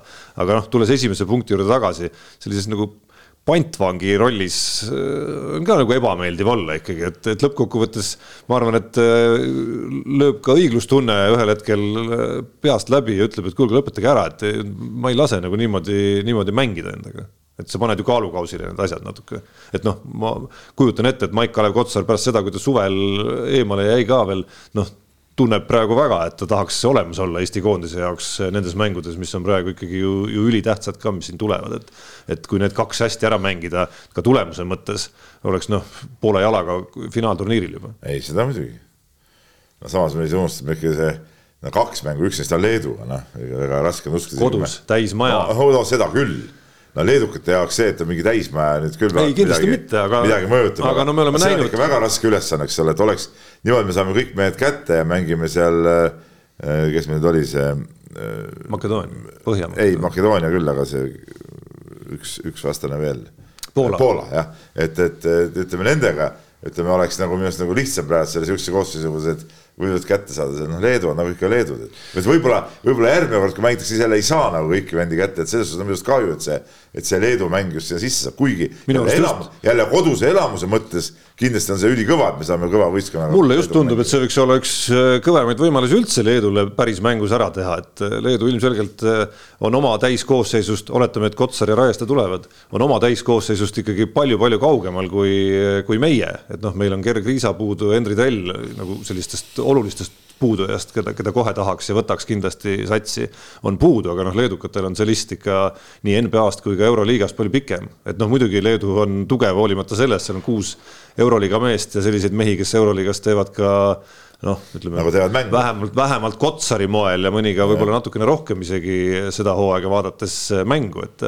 et ja isegi kõik need muud mängumehed leedukatel on ka loomulikult väga kõvad, aga et kui meil on ambitsioon siin liikuda eesmärgiga Euroopa meistrivõistluste esikaheksas ühel hetkel olla, noh siis selliseid mänge tuleb kui tahta, et see mingi areng toimuks, siis selliseid mänge peaks ikkagi hakkama ära ka nokkima.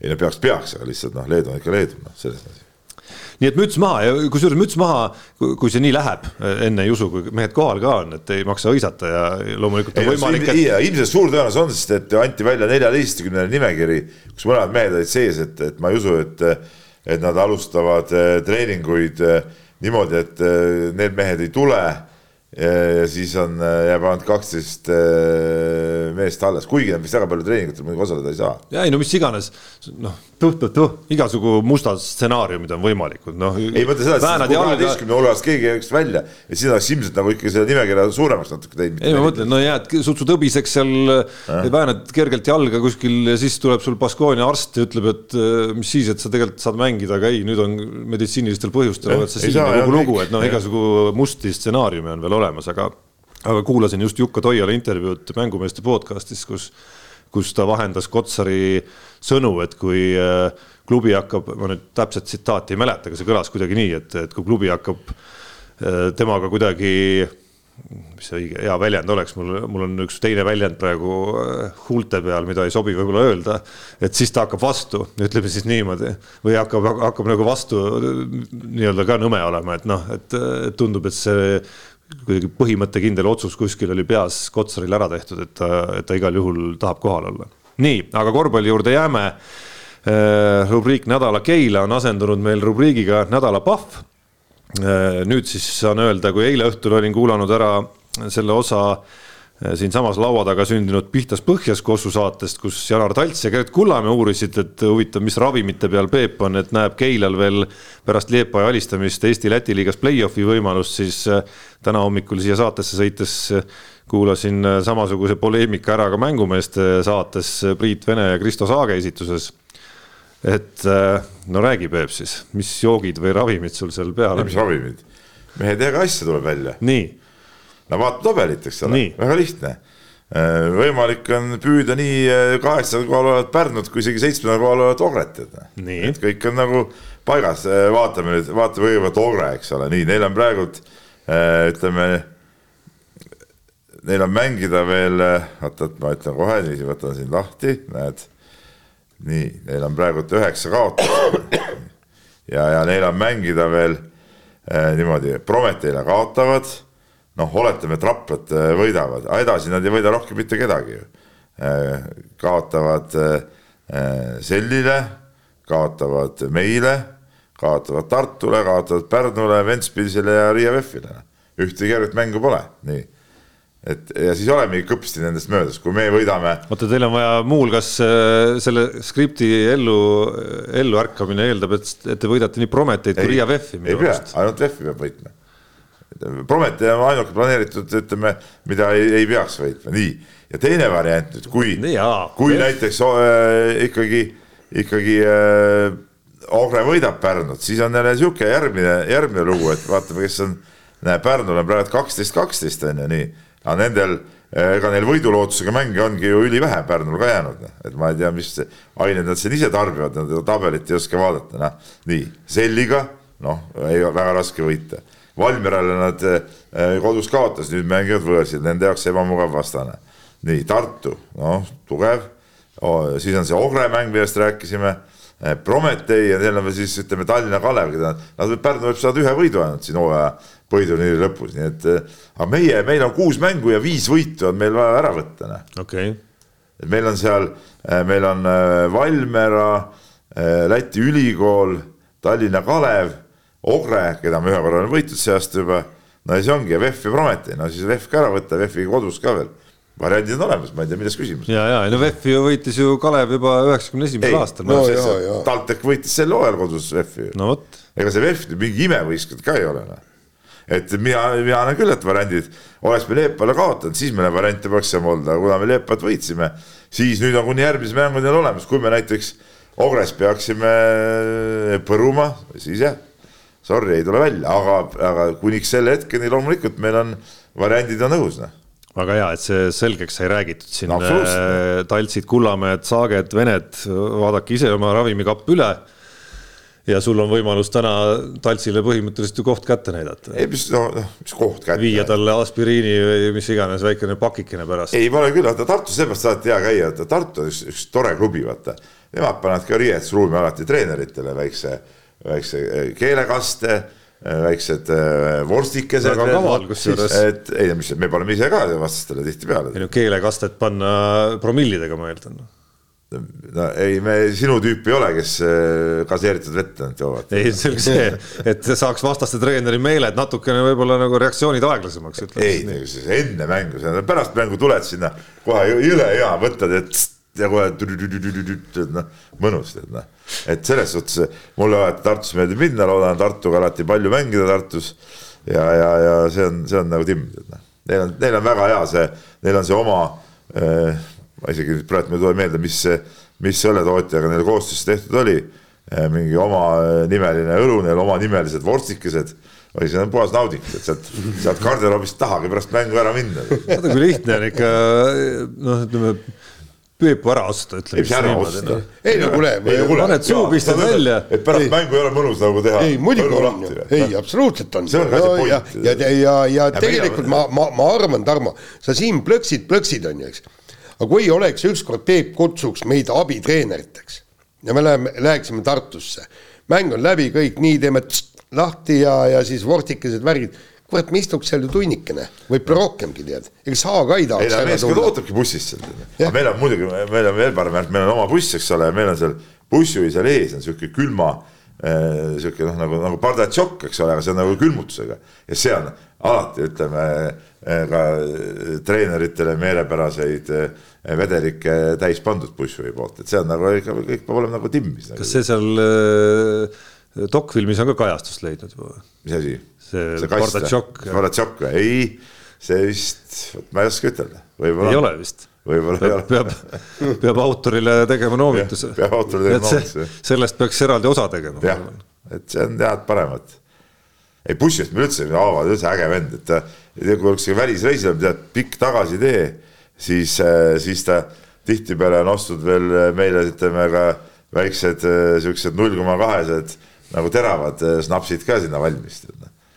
No, aga mis sa ikka teed seal tagasiteel, noh, mõtled peaga no.. oled sa nagu lõpuni jääd selle mõtte juurde või, või selle seisukoha juurde või vastuse juurde, et, et te piirdute ikkagi nagu enne või tähendab pärast mängu ainult nende tarbimisega? tõsi, oleme mõtelnud, ei, ei, oleme mõtelnud aga kui teeks enne mängu mingisuguse õlle, et mis siis juhtub, tead aga kas juhtuks midagi või? ei, ega tea, võib-olla saadki mõistuse lahti. kas sa tööpäeval oled mõnikord õlut teinud lõunasöögi kõrvale? ei ole vist. aga näiteks välismaal komandeeringus olles, oled?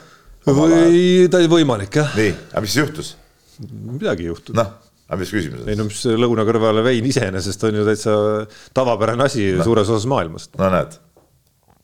ei, absoluutselt, aga noh, alati võib võtta ühe ja siis veel järgmise ka ja, ja vaadata, kuidas mõjub yeah.. golfimängus ma olen näinud videoeksperimente, kuidas on tehtud, et kuidas, mis kogused mõjuvad, mõjuvad löögile ja, ja kust maalt läheb paremaks ja kust maalt jälle halvemaks. üks, ükskord me olime Kandavas turniiril, see oli lasteturniir ja seal kohtunik ilmselgelt äh, oli juba hoos, eks ole. ja siis oli mingi time out või asi ja siis seal oli väike uks, ta läks sealt uksest sisse. aga see uks vajus nagu lahti, sai näha, kuidas mees valas endale pitsi ja tõmbas terava sisse. vaat kui siukseid asju juhtub. nii, kuule, aga kella, oi, oi, kella nii palju. laseme kõlli äh,. jaa, laseme kõlli Unibetis saab tasuta vaadata aastas enam kui viiekümne tuhande mängu otseülekannet. seda isegi mobiilis ja tahvelarvutis. Unibet, mängijatelt mängijatele. Nonii, räägime, räägime meie ennustusmõõduvõtust ja Peep rehmab siin. no täna ütleme pingpong ka salt, ütleme nii, mul oli pandud.... juba varahommikul on. Äh, jah, juba, juba möll käis. on ajavahe ka veel kusjuures, seal peaks olema tund nagu tagasi veel kell, et, et kui me alustasime siin kell seitse, ütleme Tšehhi aja järgi alustasime ju kell seitse põhimõtteliselt saatega. juba, juba käib asi. Artur, Artur Kreela ja Vladislav Ursu mängisid omavahel ja no ma teadsin, et Kreela on nagu, mulle tundus nagu, et seal võiks võiks nagu äh, üllatada selle võiduga ja, ja, ja nii edasi ja panin, panin sinna peale, aga näe, pagan ei, ei tulnud, kaks-kolm. Ma jäin just mõtlema, et kuidas need mehed jaksavad seal ikkagi, ma saan aru, et need on siuksed viie-kuuekümnesed härrasmehed seal kõik. aga võib-olla seal ongi see nüanss, et selles vanuses ikkagi liiga pikk uni ei ole hommikul enam. et noh, ongi võib-olla viiest on juba silmad lahti ja enam magama ei jää. ja kuuest juba mängib et ongi leitud õiged tüpaažid siis, kellega saaks kakskümmend neli seitse põhimõtteliselt mängu teha. noh, ma sain jah väikse võidu, et Aha, nojah ei no see Ameerika jalgpall, see on nagu äh, lapselt kommi äravõitmine, mina sellest aru ei saa, et, et kuidas on nüüd. no Kansas City Chiefs äh, võitis, on ju teist aastat järjest, et, et neil on äh, maailma parim praegu quarterback Patrick Mahomes, kõik nii ja, ja ja nemad panevad favoriidiks Fordi Ninersi. Vladislav Ursu on täitsa noor mees, vaata. ahah, ahah. kust tema üles sai? oota, ta võitis või kaotas? tema võitis ja võitis ka veel nii vara. tubli poiss oota, mis sa panid siis Super Bowli peale? ja, ja Super Bowli peale ja, ja no tõesti, okei okay,, mäng läks teravaks kõik see lisaajal lõpuks võitis, sa, no aga no nii pidigi ju minema ja ma, ma, ma ei saanud aru, mille järgi oli, ma tähendab, ma hakkasin huvi pärast koefitsiente vaatama, mõtlesin, et noh et, et mis seal on, Chefsil on äkki on kehv koefitsient mingi üks koma viis, üks koma seitse kaks koma üks. noh, kohe sinna viisteist eurot peale. ja, ja siis äh, mul on jah nüüd kolmsada kakskümmend kaks eurot vist. no näed. minul on kolmsada, siis ma tahtsin ütelda, mul nagu eelmine nädal üle-eelmine nädal või millal võitsin, nüüd see läks nagu tagasi. mul on suts alla kolmesaja, aga ma natuke parandasin seisu eile õhtul äh, otsustasin taas oma kodanikukohust siin saates täita ja siis panin panuse sellele, et Kalev Cramo võidab äh, karusid vähemalt Äh, vist kolmekümne kahe või midagi sellist, et see vahe jäi seal kuskil kolmkümmend seitse, kaheksa. see oli suht riski business sest et äh, ma mõtlesin ise selle peale ka ja, ja tead, Kadri on esiteks suht okei okay võistkond. Äh, kõik ju algviisiku mehed, meistriga mehed endised ja, ja mõtlesin, et palju see Kalev ka ütleme, tahab üldse seda gaasi suruda. nojah, kuna neil on, nagu on, nagu kuna neil on nädal, tihe nädal on veel ees jah, et aga no õnneks sellega läks okeilt, nii. nii, võta. ja eripanuse tellimuse andsin sisse, seesama ralli Äh, ralli, Ott Tänaku ralli võitmis. nüüd pead imestama, et sa nagu minu mängu peale reedel ei pannud ja ei kaotanud nagu alati. Õnneks ei pannud jah oleks pidanud minu vastu muidugi ikka jah, aga kuidagi sain sabast kinni ikkagi, see Liepaja viimase aja trend ei äratanud usaldust, et äh, ma saan aru, et seal on ka puudu üks oluline mängumees, nii et, et selles puudu, mõttes kaalukausid samad ja, ja. aga tead, et kokkuvõttes mängisid ju Pärnu võitsid nad neljaga. jah, jah, aga ma saan aru, Liepa eripära on ka see, et, et nad tulevad ikkagi suht otse bussiga vist mängule. see on jah, see on täitsa kõige hämmastavam asi. see Liepa ots on väga raju ots, ma ei tea. see on väga kaugelt tulevad. seitse tundi, jah. et, et selles mõttes nende jaoks ma kujutan ette, et see esimene mäng, kui nad tulevad kahte mängu mängima, ongi raskem tegelikult kui, kui teine mäng, et Eesti klubid, kes kes varem minnes ja paremini valmistudes lähevad, noh, loogika ütleb nagu vastupidi. samas kellaajast jäi suht väike vahe, sest meie mängime reede õhtul väga hilja, meil, meil hakkab üheksateist kolmkümmend mäng ja neil vist oli järgmine päev kell viis oli juba, juba mäng ja nad sõitsid minu arust pärast mängu sõitsid Keilast vist Pärnusse ka, et noh, ütleme see puhkuseaeg seal kahe mängu vahel päris, päris napiks. aga no küll ma jõuan, Peep, veel leida neid Keila kohti, kuigi pigem on tunne, et tuleb eemal hoida nagu tulest sellest Keila, nii Keila vastu kui poolt panustamisele, et see väga ebastabiilne nähtus on see Keila, Keila kossusats. nii, aga nüüd teeme paari minutiga paar küsimust, sest et ma pean ära jooksma ja, ja Karl kirjutab meile ja kirjutab nii, et Tartu maratoni nädalat silmas pidades tuleb nentida, et mehi on stuudios endiselt ainult kaks tõe huvides olgu öeldud ka, et Tartu maratoni poole distantsi vabastis läbimine Tarmot mehe staatusesse ei aitaks. Apla aplaus ja kestvad kiiduavaldused muidugi. ja aga, aga kui ta kaks korda läbib, jõuab finišisse. edasi ja tagasi. Siis läheb seda tagasi auto juurde, kuhu ta ja, ja, just ja paned teise distantsi otsa no,, siis on okei okay,. no siis võib-olla enam-vähem jah, siis võib-olla enam-vähem saaks, aga seniks ei jää mitte midagi.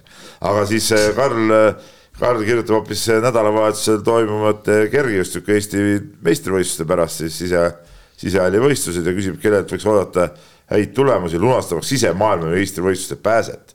no ma ütlen, et pääset seal, ma olen jumala kindel, et ei, ei lunasta mitte keegi. et, et, et kahjuks see, see praegu see seis on selline, nagu on ja, ja sellesse ma ei usu, et keegi seal pääset lunastab küll, aga noh, nagu me oleme ennem ka rääkinud, et, et üks naissportlane võib saada Äh, noh, nii-öelda nagu selle rahvaste sõpruse koha nagu ja siis, siis äh, sealt kedagi sprinteritest äh, või tõkkesprinteritest valitakse, et ilmselt, kes nendest kõige paremas hoos on, siis see, see selle koha saab, aga otsepääset nagu niimoodi ma ei usu, et keegi lunastab. ja, ja Karlil on see küsimus ka, et kavas on ka meeste viie tuhande meetri käimine, et kas vanameister Martinson on oma vormikõvera tippu viinud ja võistlusel üles antud või loobub järjekordselt kindlasti meistrivõistluste medalist, Jaan, kuidas on sinuga? ei no ma ei tea, noh, põhimõtteliselt ega mulle tuli üllatusena, mind ei ole teavitatud, ei ole praegu vorm kõige parem, eks ju. ja ei noh. võistlus toimub või? jaa ei no et see kutset ei ole ei, ei, ei ole kutset. ei no aga äh, ma arvan, et äh, härra Tegamegi on süüdi, et ta sind ja, isiklikult ei kutsunud sinna kõndima nagu. ja ei absoluutselt ja, ja aga oleks ennast vormi ajanud ja ma arvan, et seal kaks võistlejat umbes on. Vaata, kui vaata millist asiotaažiga oleks saanud, kui ta oleks seda teinud, on ju, et kõigepealt oleks saanud teha sellest, et uudis, et Jaan sai kutse, eks ole, siis kuidas Jaan siin äh, vormi timmib ja siis lõpuks, kuidas sealt medali ära võtab, tähendab, no siin oleks nagu, et kui võib-olla suvel võiks ikkagi Jaani ju saata küll suvistele Eesti meistrivõistlustele. seal on kümpa see on liiga plaan. Jaani jaoks, kuule, nad panevad ta on ju pensionär juba. siis.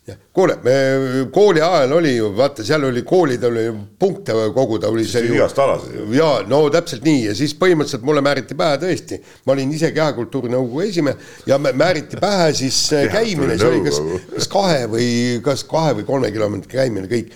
aga probleem oli see, et, et mina olin ainuke võistleja seal ja, ja sellepärast võistlus jäeti ära. Oleks... said pooled, eh, pooled punktid. ei, ei, ei vot eh, selles mõttes oli, et ma seal hüppasin teivast mingit. no täitsa ebaõiglane no..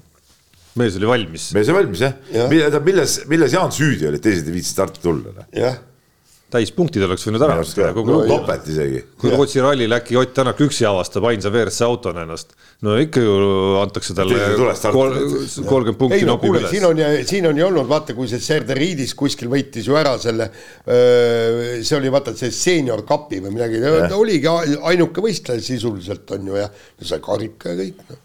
no miks ka mitte nii, aga võtame. enne, enne seda, kui meil see ordenite teema oli, jäin just mõtlema, et Jaan loetles siin ette, kuidas nii German kui Levkoi on teda, teda juhendanud ja nüüd ta rääkis siin oma teistest sportlikest saavutustest, et, kuidas see, kuidas see nii nihu Jaan lõpuks ikkagi nagu läks siis et näe, Levkoi käe alt isegi vaikselt NBA mees on tulemas, aga ei. isegi Germani ja Levkoi eh, nii-öelda käepuudutus ikkagi ma... ei teinud sinust noh, isegi Euroliiga meest mitte. Tarmo, ma olin ju see selles samas koolis, kus sina keskkooli lõpetasid, kahekümnes keskkool oli see oli ju spordi äh, korvpallikool, eks vaata, omal ajal olid ju omad korvpallikoolid ja meil oligi, seal oli jagatud niimoodi, German oli selle kooli treener, meil oli, oli vist niimoodi, et, et kas oli kaks, kaks koolitrenni ja, ja siis parimad sealt meeskonnast nopiti ja siis saadeti Keskerakonna spordikooli äh, trenni, kus oli siis äh, Levkoi ja siis mina, mina olin nii-öelda välja valitud, eks seal oli vist kaks trenni ja kaks trenni. talendiga tegemist. jaa, ei, talenti oli palju, aga ma olin ju nii lühike, ma olin täielik persehari no,. ja ei, stopp, vaata, probleem oli selles, et spordikooli meeskonnas võis olla ainult viisteist mängijat. ehk siis see oli grupp, on ju, eks. Ja, ja ma olin niisugune kuradi väike lühike ja siis Lev Koi ütleski, sorry poiss, sinu pikkusega ei ole meil korvpallis mitte midagi teha. Come on, ma, ma olin vist kaks aastat olin seal spordikooli meeskonnas. Levkoi ei olnud kuulnud siis, toona ei olnud keegi ei, kuulnud veel Spad Webist ja olnud, Maxi Boguesist. muide, ja seal oligi, seal oligi see, ka mina ei olnud kuulnud ja kõik nii. ja siis kunagi hiljem, kui nad, kui nad äh, tulid nii-öelda pildile, siis ma hakkasin mõtlema, pagan küll, tead, eks. ma, ma sa muide, sama äge vend. ma ju läksin Tšika juurde treenima kõrgus ja kaugus. seda, seda, seda ma alles kuulsin, kuidas naadikud said. ei, ei, sellepärast, et ma, et parandaksin oma hüppevõimet, et ma midagigi korvpallis. ühesõnaga me jõudsime, ühesõnaga me jõudsime selle aruteluga ikkagi äh, hoopis risti vastupidisele järeldusele. me peaks võtma ette nüüd Jaanus Levkoi ikkagi, et äh, kuidas kuidas sellise noh, ikkagi tema treeneri karjäär tuleb ümber vaadata, et mida... sellise talendi praakis välja. no tõepoolest.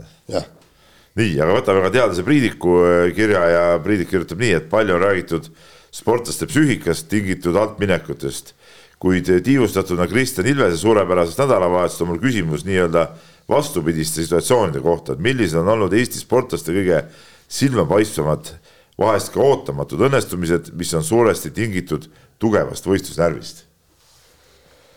no. no esimesena, mis mulle jällegi, no okei okay,, ma lähen sada aastat tagasi, kui see äh, Heino Kruus oli vist see, kes äh,, kes pidi viskama vabaviskeid viigiseisult ja kas Euroopa meister, meistritiitel tuleb Nõukogude Liidule või ei tule ja loomulikult ta viskas sisse, seal ma ei mäleta, kas oli üks või kaks vabaviset ja siis see oli siis, äh, tuli siis äh, me, meil pära-, äh, pärast siis oli intervjuu kõik temaga, ma ei mäleta, kas Hololei või kes see tegi ja küsis, et noh, et kas sul närvi ka natuke oli, et, et kui sa läksid seda viimast vabaviset, et aeg oli juba läinud täis ja kõik niimoodi. ta ütles, et ei, mis, mis närvi, ma viskasin sisse, sellepärast ma teengi selle nimel trenni, et, et vabaviskeid sisse visata, et seal ei olnud mingit imestamist ega midagi, et noh, et et temal nagu väidetavalt siis närvi ei olnudki, et, et kui sa lähed niisuguses olukorras viskama vabaviset. no eks Kossus neid äh, noh, nii-öelda mitte närvitsejaid või neid mängijaid, kes äh, otsustavatel hetkedel pigem just äh, noh no, säravad, kes, kes just säravad, mitte,